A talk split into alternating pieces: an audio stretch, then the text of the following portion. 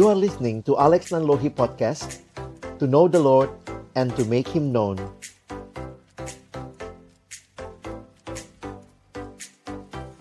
Mari kita berdoa sebelum kita membaca merenungkan firman-Nya. Kami datang dalam ucapan syukur di hari perhentian yang kau berikan kepada kami. Terima kasih kami boleh datang memuji, memuliakan namamu dan tiba waktunya bagi kami untuk membuka firman-Mu ya Tuhan. Kami mohon ketika kami membuka firman-Mu, bukalah juga hati kami. Jadikanlah hati kami seperti tanah yang baik. Supaya ketika benih firman Tuhan ditaburkan itu boleh sungguh-sungguh berakar, bertumbuh, dan juga berbuah nyata di dalam kehidupan kami. Berkati baik hambamu yang menyampaikan dan setiap kami yang mendengar, Tuhan tolonglah kami semua. Agar kami bukan hanya menjadi pendengar-pendengar firman yang setia, tapi mampukan dengan kuasa pertolongan dari rohmu yang kudus, kami dimampukan menjadi pelaku-pelaku firman-Mu di dalam kehidupan kami, di dalam masa muda kami. Bersabdalah ya Tuhan, kami anak-anakmu sedia mendengarnya dalam satu nama yang kudus, nama yang berkuasa, nama Tuhan kami Yesus Kristus. Kami menyerahkan pemberitaan firman-Mu. Amin. Shalom, selamat sore teman-teman yang dikasihi dalam Tuhan Yesus Kristus. Pertama-tama saya bersyukur buat kesempatan boleh ini namanya apa ya? Berzumpa ya, karena lewat Zoom ya. Dan kita bersyukur melihat anugerah Tuhan bagi kita dan tema kita hari ini bicara tentang May God's force be with you. Wah, teman-teman akan ada yang menghadapi ujian ke depan, jangan takut dengan ujian. Hidup itu serangkaian ujian ya. Kadang-kadang memang ujian itu uh, bisa begitu menakutkan, tetapi kalau kita lihat hidup, ternyata selesai ujian yang satu, eh nanti ada lagi ujian yang lain. Selesai ujian itu, nanti ada lagi ujian. Tanya sama om, tante, kakak-kakak di sini bahkan waktu masuk dalam hidup nyata juga banyak ujian ya dan itu semua kita harus lewati. Jadi kita bukan takut dengan ujiannya, tetapi bagaimana kita melewati ujian itu bersama dengan siapa itulah yang penting bagi kita. May God's force be with you. Kalex ingin mulai dengan ajak kita sharing ya. Sharingnya singkat aja, satu menit saya ingin dalam satu menit ini kita sharing semuanya ya. Bagaimana kabar teman-teman? Wah, gimana caranya satu menit? Perhatikan gambar di depan ya. Silahkan kamu lihat, Kak Alex tanya, apa kabarmu hari ini? Saya nggak tanya yang kemarin, saya nggak tanya besok, hari ini aja. Boleh share nomor berapa yang paling menggambarkan kondisimu hari ini? Ya, saat ini. Kalau mungkin, Kak, saya kayaknya ada dua gambar. Pilih satu yang paling mewakili perasaanmu, kabarmu hari ini. Silahkan langsung dijawab. Thank you, Marsha. Silakan ya, ada yang nomor 9 lagi swing sih Marsha ya. Silakan teman-teman lihat nomor berapa. Thank you Samuel. Silakan semua ya boleh share satu menit ini. Kak Alex tunggu. Wah, ada yang masih mager ya. Frisil nomor 5 sama dong gitu ya. Pengennya bobo gitu ya. Oke, okay. thank you Christoph. Silakan teman-teman. Oke, okay, ada yang nomor 2. Mm -mm. Ya kita nggak usah saling menghakimi. Masa sih nomor segitu? Ya kita saling terbuka aja ya. Thank you buat uh, sharing teman-teman. Nah, bisa juga ya sharing satu menit ya. Boleh dengar kabar. Nanti kalian bisa cek juga. Lihat temenmu nomor berapa. Nanti tanya sama dia. Eh, lu kok nomor itu gitu ya. Kita boleh share nanti satu sama lain. Thank you teman-teman. Silakan yang masih mau tulis silakan. Nah, tapi mari kita coba lihat sama-sama. Hari ini kita bicara tentang Allah yang menyertai. Ya, teman-teman tidak mudah. Sekali lagi tidak mudah. Kalian ada di sebuah masa yang mungkin boleh dikatakan paling sulit dalam kehidupan yang dialami sepanjang umurmu. Mungkin begitu ya. Tentu kita sadar pandemi ini kita sudah jalani satu tahun lebih. tidak mudah dan kita juga masih belum pasti kapan semua ini akan berakhir tuntas. Harus belajar jarak jauh. Beberapa wacana sudah akan buka juga untuk uh, hybrid nanti di semester depan. Papa mama juga mungkin ada yang harus bekerja dari rumah. Kalaupun masuk kantor dengan prokes harus juga ada uh, bergantian selang-seling. Jadi awalnya ini kan cuma masalah kesehatan teman-teman ya. Tapi kemudian sudah jadi masalah pendidikan, masalah sosial, masalah ekonomi, kemudian juga jadi masalah spiritual. Kita ibadahnya harus online seperti ini. Kalaupun nanti gereja sudah bi bisa buka lagi, maka mungkin harus ada pembatasan. Lalu kemudian juga bagaimana nanti kita harus ada dengan sebuah kebiasaan yang baru. Teman-teman yang dikasihi Tuhan, Kak Alex ingin ingatkan sekali lagi di dalam hidup ada begitu banyak krisis yang mungkin akan kita hadapi. Dan itulah realita hidup. Tetapi apa yang indah kalau begitu? Hidupnya katanya penuh krisis. Apa yang indah dong dalam hidup seperti ini? Nah, di sini saya ingin mengajak kita merefleksikan satu peristiwa yang tentunya sudah banyak dari kita yang pernah mendengarnya. Kak Alex mengutip dalam Markus pasal 4 ayat 35 sampai ayat 41, kita akan melihat ketika Yesus dan murid-muridnya ada di dalam kondisi angin ribut topan ya. Nah, itu juga seperti krisis kehidupan, badai kehidupan, ujian kehidupan. Kita lihat sama-sama. Kita akan melihat bagaimana kita sebagai pengikut Yesus harusnya menyikapi berbagai krisis, berbagai ujian, berbagai tantangan yang kita hadapi dalam hidup. Sejak remaja, Kak Alex harap kalian bisa mengerti prinsip-prinsip ini sehingga sampai kamu tua, kamu tetap pegang kebenaran-kebenaran ini. Ya, kita lihat ayatnya sama-sama. Kak Alex ajak kita bacanya uh, seayat demi seayat begitu ya sambil saya menjelaskan. Kita mulai dari ayat yang ke-35. Nah, teman-teman, pada hari itu waktu hari sudah petang, Yesus berkata kepada mereka, "Marilah kita bertolak ke seberang." Kenapa bertolak ke seberang? Nampaknya Yesus juga ingin menghindari orang banyak karena sudah mengajar begitu rupa. Biasanya dia harus uh, bertolak untuk cari tempat yang tenang. Dari mana buktinya nanti kita lihat ya. Ayat 36. Mereka meninggalkan orang banyak itu lalu bertolak dan membawa Yesus beserta dengan mereka di dalam perahu di mana Yesus telah duduk dan perahu-perahu lain juga menyertai dia. Tuhan Yesus waktu ngajar teman-teman pada waktu itu Yesus tuh pakai angin laut begitu ya. Makanya kalau kalian lihat kan Yesus nggak siapin sound system begitu rupa. Makanya Yesus biasanya mengajar dari atas perahu. Lalu orang-orang itu di sekitar pantai. Nah, ini Yesus sudah waktunya istirahat. Dia menarik diri dengan bertolak ke seberang naik perahu.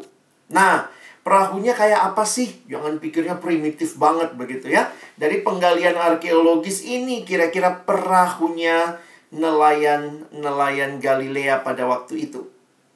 Cukup besar juga ya. Katanya bisa muat kira-kira 15 laki-laki dewasa. Ya tentunya ya bukan kayak kapal yang kayak sekarang kayak hotel di atasnya ya. Dan waktu itu bukan kapal bermotor, meng, me, apa ya? mengandalkan layar. Nah, jadi itu kira-kira 8,1 meter panjangnya 2,3 meter lebarnya dan tingginya 1,4 meter. Itu kira-kira Galilean fishing boat pada waktu itu. Jadi kalau baca Alkitab coba kembangkan dalam imajinasimu ya kayak apa gitu ya. Nah, selanjutnya ayat 37. Lalu mengamuklah taufan yang sangat dahsyat dan ombak menyembur masuk ke dalam perahu sehingga perahu itu mulai penuh dengan air. Teman-teman, Danau Galilea, nah ini yang suka pengetahuan umum, nanti kalian bisa lihat ya. Danau Galilea itu di dalam letak geografisnya itu lebih rendah daripada permukaan laut, katanya begitu. Sehingga tekanan udara menyebabkan memang di Danau Galilea sering terjadi taufan. Jadi jangan pikir baru pertama kali taufan terjadi. Enggak ya.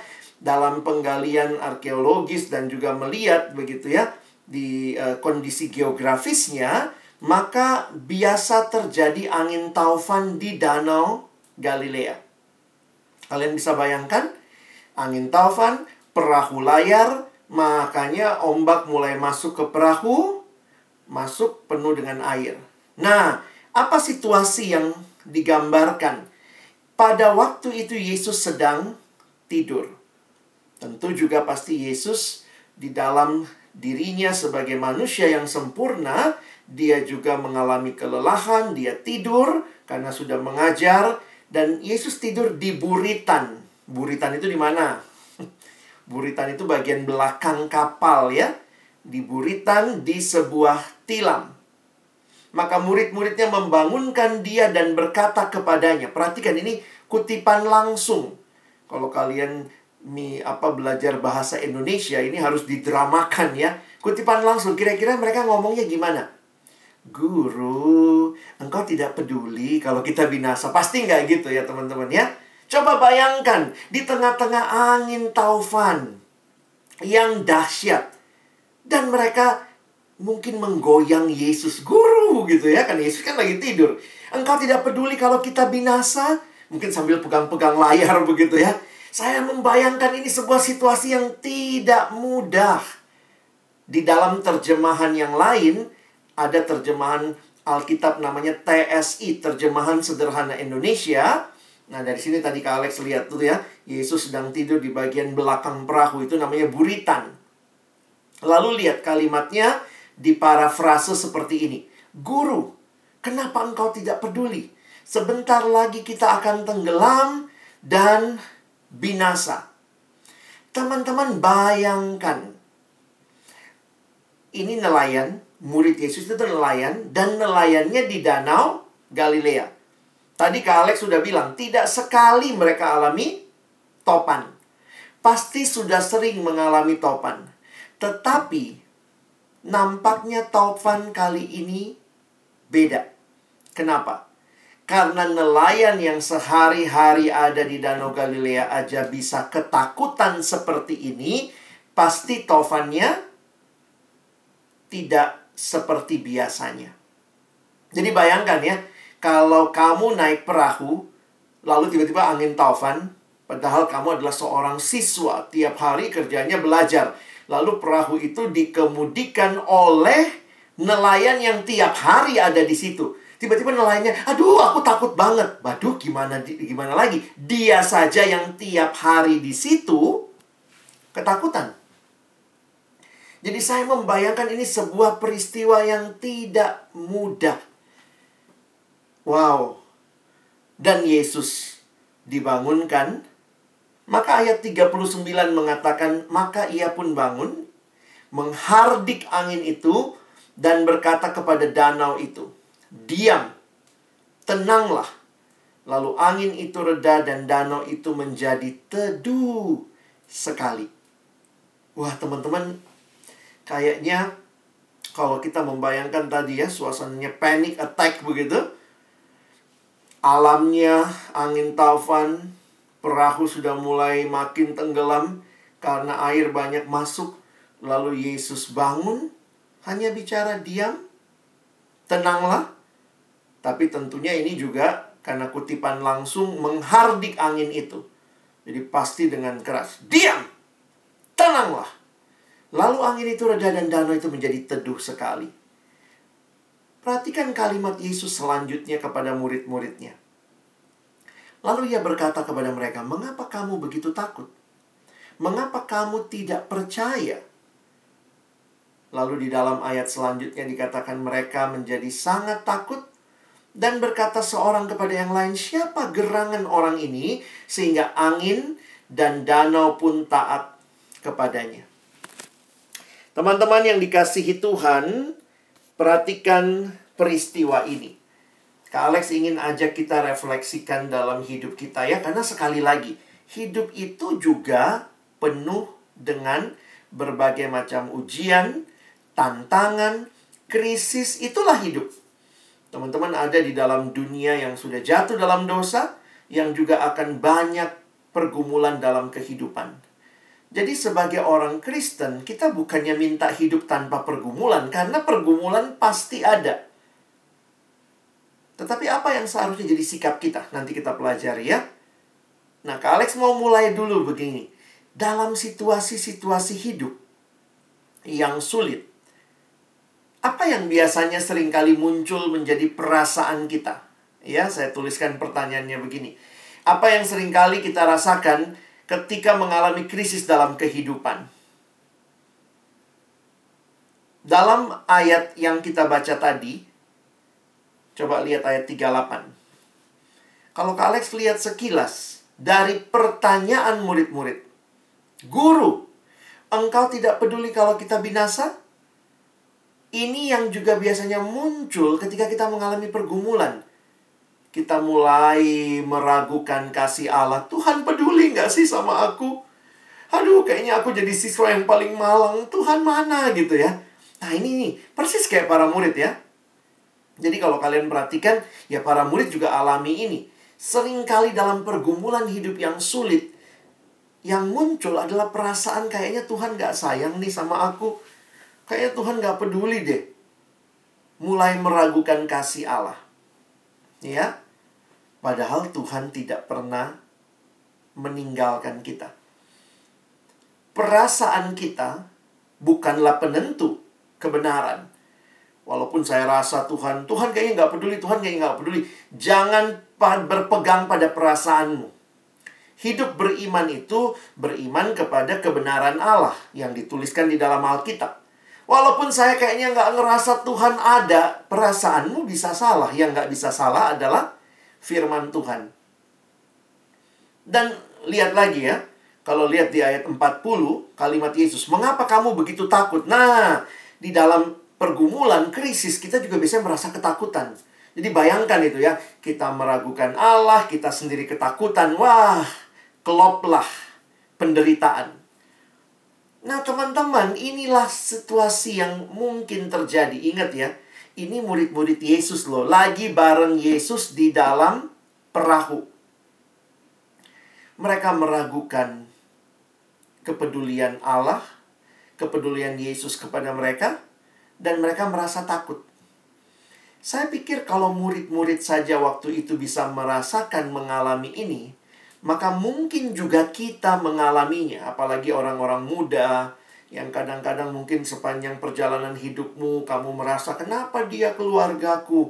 Di sekolah pun kok aku dibully? Kayaknya Tuhan nggak sayang sama aku Tuhan nggak peduli.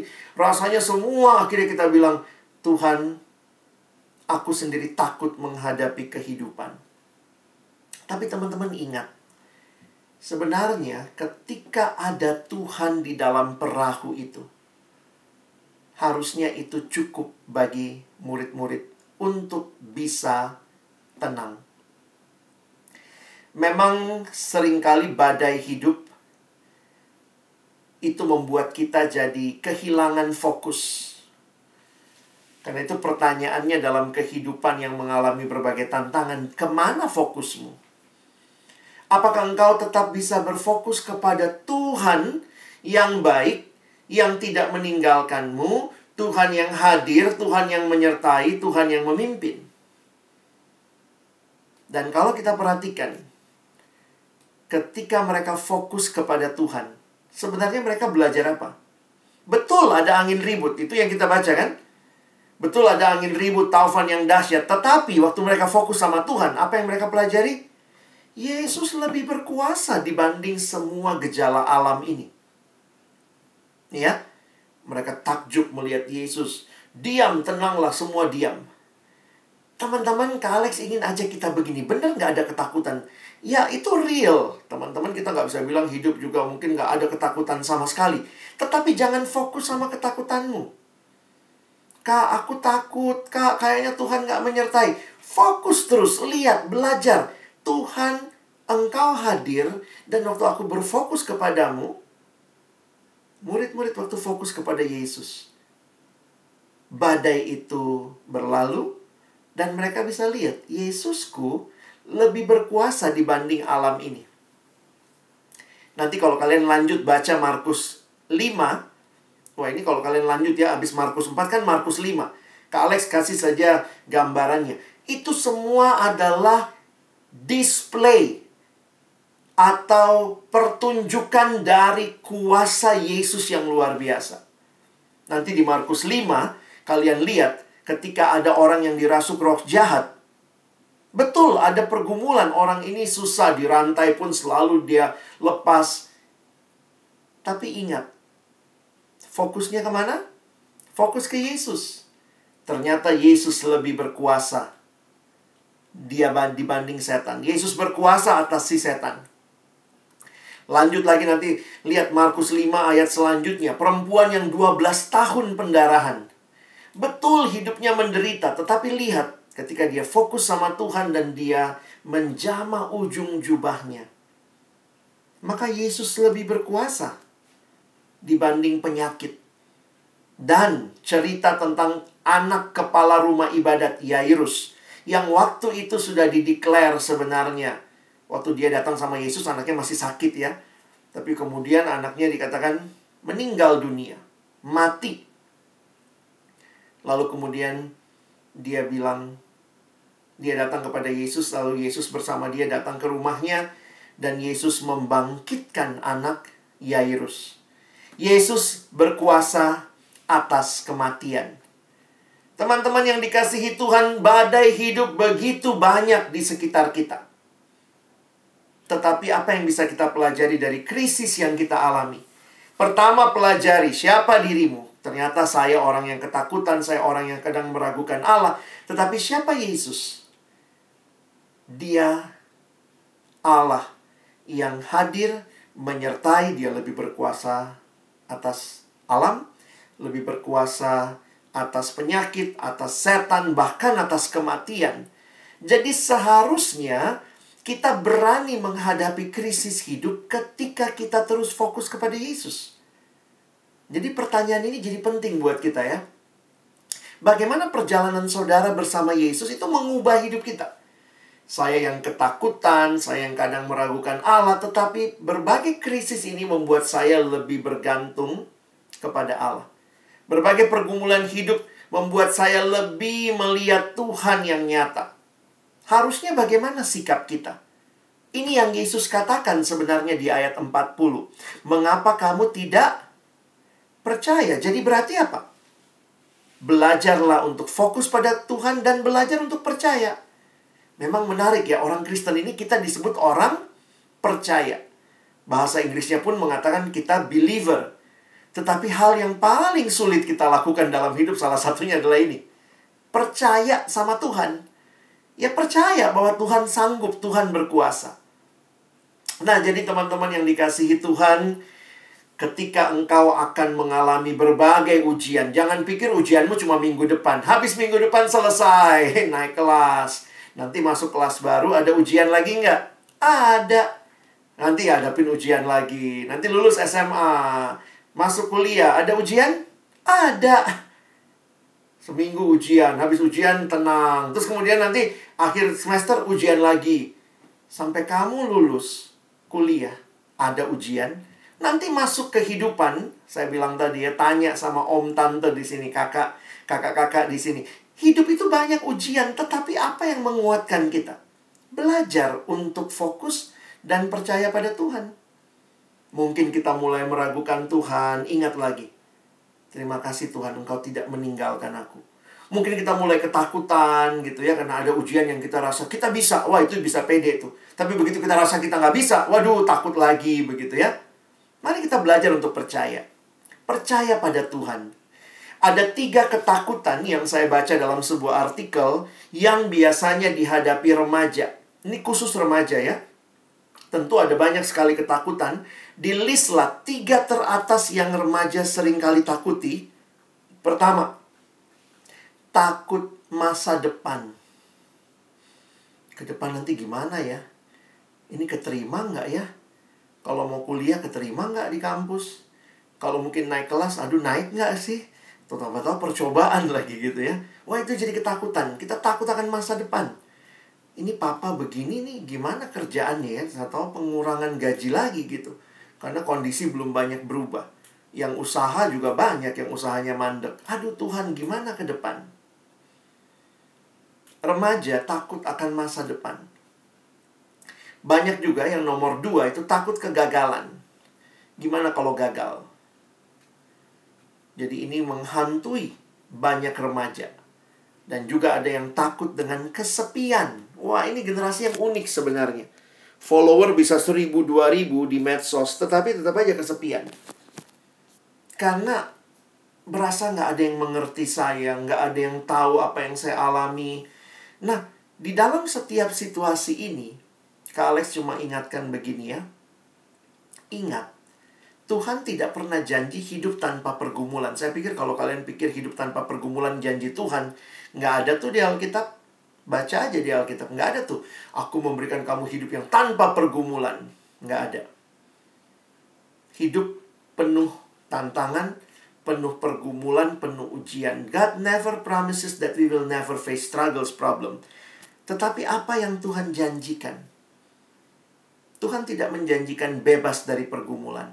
Tetapi Tuhan menjanjikan, dan ini indah sekali. Tuhan berjalan bersama kita di dalam pergumulan yang kita lalui. Indahnya hidup itu bukan karena nggak ada pergumulan. Indahnya hidup itu karena di dalam pergumulan sekalipun yang begitu sulit, ada Tuhan yang berjalan bersama kita. Life is beautiful, not because we have no struggles, but because it's a journey with Jesus.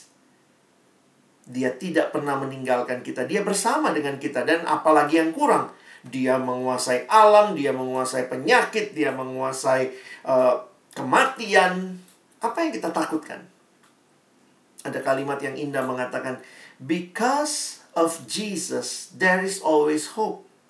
Even in the darkest moment of your life. Jadi hidup itu penuh tantangan tapi hadapilah bersama dengan Tuhan. Kalian pernah lihat tulisan ini? Biasanya banyak di depan sekolah ya. Kalau lagi ujian. Harap tenang ada ujian. Jadi sebenarnya yang bikin ujian itu nggak berhasil karena nggak tenang mungkin ya waktu ngadepin ujian nggak tenang gerasa gerusuk gitu ya kenapa butuh ketenangan ya dalam ujian hidup karena dengan tenang kita bisa menghadapi semua hal saya ingat kalimat Petrus, kesudahan segala sesuatu sudah dekat. Karena itu kuasailah dirimu dan jadilah tenang, kata Rasul Petrus, supaya kamu dapat berdoa. Jadi, bagaimana menghadapinya? Sekarang Alex masuk praktisnya ya. Jadi, Kak, bagaimana kalau menghadapi pergumulan hidup? Fokus sama Tuhan supaya kamu tenang. Waktu kamu tenang, kamu bisa berdoa, tetapi jangan cuman, oh pokoknya ini Tuhan bekerja. Tuhan bekerja tidak meniadakan kita melakukan bagian kita. Coba lihat Amsal ini. Kalau orang bijak melihat malapetaka, bersembunyilah ia. Tetapi orang yang tak berpengalaman berjalan terus lalu kena celaka. Jadi kira-kira apa yang dimaksud? Orang-orang yang mengerti kehidupan akan bertindak dengan bijak. Kalau mau ulangan, apa yang dilakukan? Doa, doa. Cuman itu? Enggak lah. Baca ya. Baca, pelajari, nyicil gitu ya. Jadi orang bijak itu dia antisipatif. Minggu depan nih ujian. Gimana caranya nih? Betul kata Kak Alex, fokus sama Tuhan. Yes, saya sudah fokus sama Tuhan. Tapi belajar. Mulai nyicil ya. Mulai bisa lihat, ah main game nanti dulu. Drakor aduh nanti dulu. Pokoknya fokus dulu nih. Nanti selesai saya bisa lanjutkan hal-hal yang saya bisa lakukan lagi sebagai kesenangan. Tapi sekarang mesti fokus. Itu orang yang bijaksana. Jadi, di tengah pergumulan hidup, ingat betul fokus sama Tuhan. Itu utamanya. Tetapi, kamu pun harus bertindak dengan bijaksana. Ya? Ngantuk kalau pagi-pagi, ya jangan tidur kemalaman. Itu mah nggak usah diajarin. Harusnya begitu kan? Aduh kak, kalau sekolah ngantuk malamnya tidur jam berapa pak? Nonton drama Korea sampai setengah lima pagi Terus mesti bangun jam tujuh Ya wajar kita mesti bisa pertama fokus sama Tuhan berdoa, berserah, tetapi bertindak dengan hikmat. Itulah hidup beriman kita. Jadi kita tidak takut menghadapi ujian bukan karena saya sudah berdoa tapi kemudian saya juga melakukan apa yang Tuhan mau yang menjadi bagian saya. Nah, kiranya apa yang kita pelajari hari ini penyertaan Tuhan memampukan kita melalui berbagai pergumulan hidup. Tapi ingat, penyertaan Tuhan juga memampukan kita melakukan bagian kita. Kadang-kadang generasi ini maunya belajar empang ya. Belajarnya enak dan gampang katanya. Belajarnya model sistem ekonomi belajarnya. Ada yang nanya sama saya, gimana ya kak belajar sesedikit-sedikitnya nilai setinggi-tingginya? Gimana cara gitu ya? Nggak bisa, ada juga gitu. Kak, gimana saya menguasai isi Alkitab tapi saya nggak pernah buka? Ya nggak bisa. Fokus sama Tuhan tidak meniadakan engkau berhikmat, memakai setiap kesempatan, setiap waktu, setiap potensi, lakukan bagianmu untuk bisa menghadapi berbagai ujian dalam hidup. Kiranya Tuhan menolong kita, bukan hanya jadi pendengar firman, tapi jadi pelaku-pelaku firmannya. Amin. Mari kita berdoa. Tuhan tolong kami menghadapi hidup ini bersama dengan Tuhan yang berarti di dalamnya kami berserah penuh, tetapi kami juga berjuang melakukan bagian kami. Tolong adik-adikku yang minggu-minggu depan mungkin beberapa di antara adik-adik kami akan menghadapi ujian, ulangan, persiapan, biarlah mereka menyadari pentingnya berserah dan bergantung kepada Tuhan, serta melakukan bagian dari setiap kami. Tolong kami bisa mengatur setiap waktu kami dengan baik, kapan bermain, kapan santai, kapan tidur, kapan belajar, sehingga ketika ujian tiba, ulangan tiba, kami tidak panik, kami tidak menjadi orang-orang yang kehilangan arah, tapi kami bisa menghadapinya dengan baik karena Tuhan telah menolong kami mengatur hidup kami dengan strategi yang baik. Terima kasih Tuhan, terima kasih buat kesempatan kami belajar firman-Mu. Tolong kami bukan cuma jadi pendengar firman. Mampukan kami jadi pelaku-pelaku firman-Mu di masa muda kami. Dalam nama Yesus kami berdoa, kami bersyukur. Amin.